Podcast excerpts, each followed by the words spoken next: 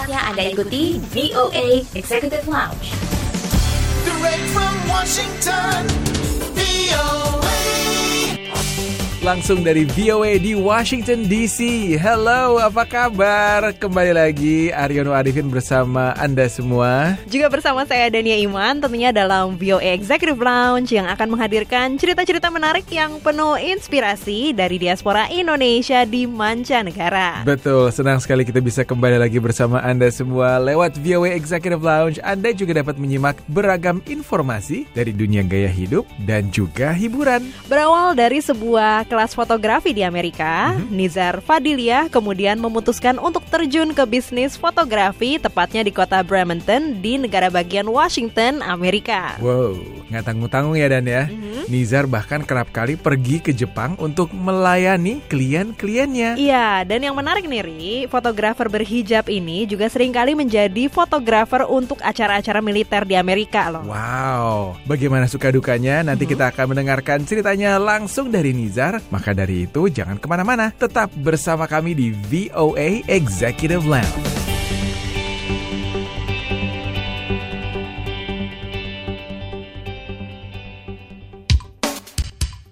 Ingin tahu berita menarik, terkini, dan terpercaya? Ikuti kami di Instagram at VOA Indonesia.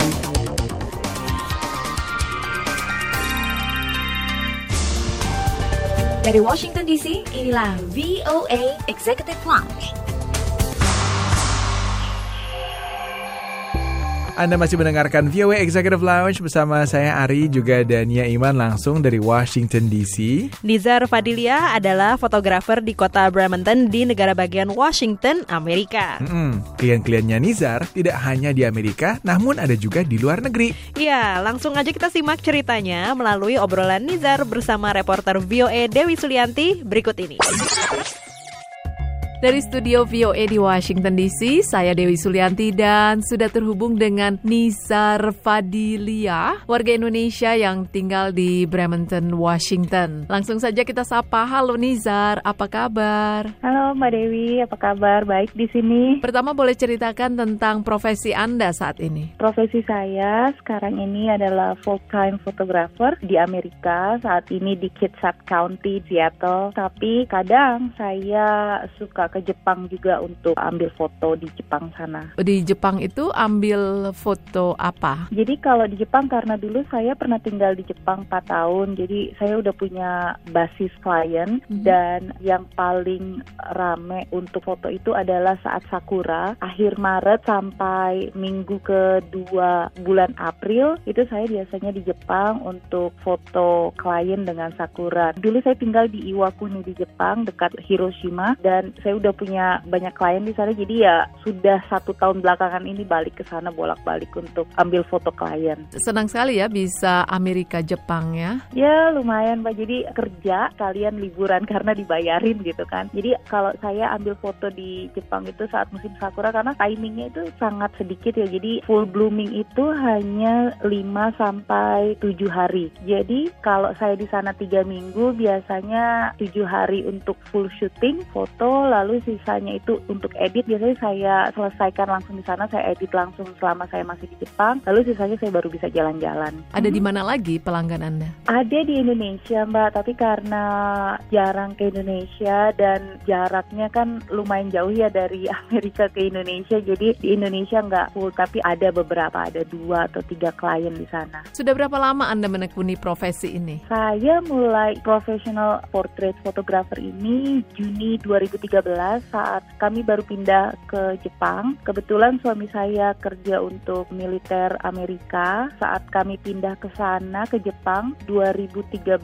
saya kondisinya tidak bekerja, tidak sekolah. Jadi basically nggak ngelakuin apa pun gitu. Jadi saat itu saya berpikir ya saya bisa foto. Jadi ya saya iseng-iseng aja gitu memberanikan diri untuk menjadi portrait photographer. Jadi mulainya itu Juni 2013. Dulu apa latar belakang pendidikan Anda? Kalau dulu saya sempat kuliah di UI komunikasi massa, lalu pindah ke Amerika, saya ikut kelas lagi di community college ambil psychology dan selama di community college di Amerika sini saya ambil kelas minor. Karena di Amerika itu kalau kita di college kan ada kelas minor yang bisa kita ambil gitu. Dan saya ambil fotografi. Uh, ternyata dosen saya suka dan saya diminta jadi asisten profesor di kelas fotografi itu. Bagaimana awalnya tertarik dengan profesi ini? Jadi tuh saya punya paman yang dulu tinggal di rumah orang tua saya dan beliau adalah wartawan di salah satu koran namanya Bisnis Indonesia. Jadi saya itu dulu ngeliat beliau foto, ngeliat beliau developing filmnya di darkroom. Nah semenjak itu saya tertarik, saya suka lihat foto dia, saya suka lihat kamera-kamera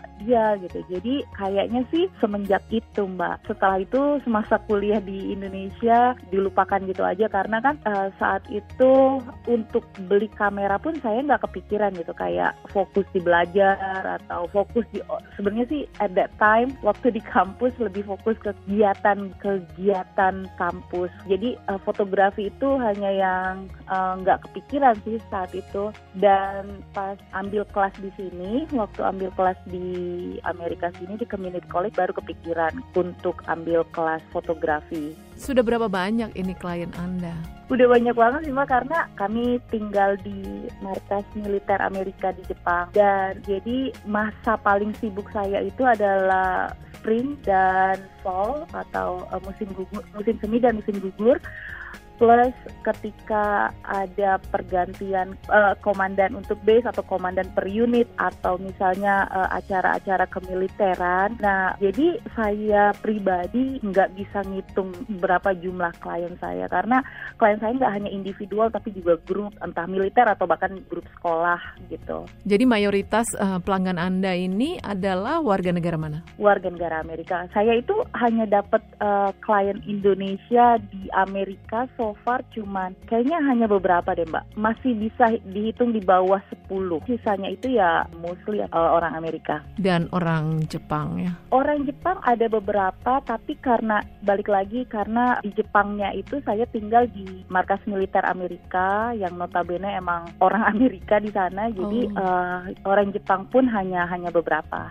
Seperti itu. Berapa biaya yang Anda bebankan kepada pelanggan untuk jasa ini? Kalau untuk portrait start dari 250 dolar, kalau untuk wedding start 500 dolar, tapi elope ya, jadi personal nggak ada seremoni atau apa pun, nggak ada party. Tapi kalau yang seremoni plus party itu 900. Uh, Hmm. Apakah Anda bekerja sendiri? Eh, tergantung jumlah tamu dan berapa jam mereka menggunakan jasa saya. Jadi kalau misalnya 4 sampai 6 jam di bawah 100 orang itu biasanya hanya saya. Tapi kalau udah eh, di atas 6 jam atau tamu sudah di atas sekitar 200-an, saya biasanya punya second shooter atau fotografer kedua untuk bantu saya cover hal-hal yang misalnya nggak bisa saya foto atau nggak bisa saya cover gitu. Selama ini apa suka dukanya menjadi fotografer di Amerika? dukanya dulu ya karena saya pakai hijab saya berkerudung, saya muslim. Saya mulai profesi ini saat saya di Jepang di dalam markas militer Amerika yang notabene yang pakai kerudung itu yang teridentifikasi secara jelas sebagai seorang muslim adalah hanya saya gitu. Nah, tantangan pertamanya adalah saya bisa memberikan mereka kepercayaan kalau saya bisa moto gitu. Lalu kedua eh, language barrier atau kadang ada hambatan bahasa ya Mbak karena walaupun saya bisa berkomunikasi dalam bahasa Inggris tapi kan saya bukan native kadang masih ada hal-hal yang eh, suka saya nggak ngerti gitu apalagi kalau misalnya berkomunikasi langsung. Lalu ketiga karena saya teridentifikasi sebagai muslim gitu di tengah saat saya melakukan foto upacara militer saya tuh berasa outstanding Bu- bukan karena talent saya tapi karena saya kelihatan beda gitu Mbak. Jadi kayaknya eh, diperlakukan beda dalam tanda kurung sebenarnya sih enggak tapi itu hanya perasaan saya seperti itu. Itu dukanya Tapi kalau sukanya ya bisa berbangga sedikit lah karena mungkin saya muslimah pertama gitu yang pakai hijab, berkerudung yang bisa merepresentasikan muslimah lain menjadi seorang fotografer di satu komunitas militer Amerika. Bahkan satu kolonel uh, marinir Amerika waktu saya foto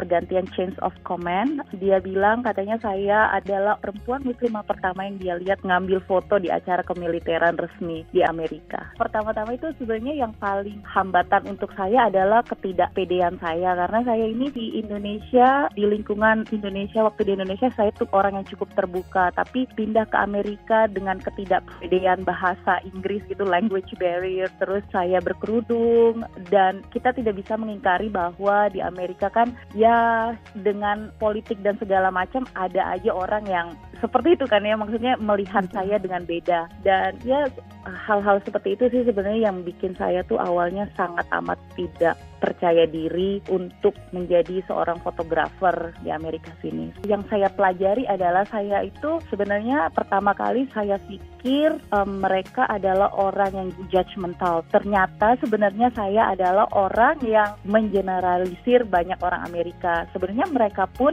walau berbeda pandangan politik, tapi orang Amerika ini uh, secara pikiran itu cukup terbuka. Karena buktinya ya saya bisa diterima di tempat dan kondisi yang tadinya saya pikir itu tidak memungkinkan untuk saya. Berarti Anda sudah lima tahun ya menjalani profesi ini? Iya, sudah lebih kurang lima tahun, Mbak. Ada tips untuk teman-teman di Indonesia? Yang pasti uh, saya ini mostly self-taught ya, atau belajar sendiri otodidak. Ketika kita sudah berani menawarkan jasa kita, hendaknya kita memang sudah tahu apa yang kita lakukan. Jadi menurut saya skill dan pengetahuan itu yang benar-benar harus kita utamakan ketika kita ingin menawarkan jasa kita di sini. Saya berbicara sebagai fotografer gitu. Kenapa saya bilang seperti ini karena nggak hanya di Indonesia tapi di Amerika pun banyak fotografer yang misalnya mereka sudah berani menawarkan jasa mereka tapi ternyata secara skill dan secara pengetahuan mungkin mereka belum layak. Tapi itu kan sekali lagi kalau fotografi ini adalah jasa yang sangat amat subjektif. Kadang satu orang bisa bilang bagus, ternyata orang lain uh, belum tentu bilang bagus. Jadi sekali lagi menurut saya ketika kita mau menawarkan sesuatu di bidang fotografi ini kita harus upgrade harus belajar terus yang namanya uh, untuk skill dan pengetahuan kita dan yang pasti jangan takut jangan minder karena kalau misalnya kita bisa membuktikan skill kita ya nggak ada masalah untuk yang lainnya. Baiklah Nisar, terima kasih atas bagi-bagi ceritanya dan sukses selalu untuk Anda. Terima kasih Mbak Dewi.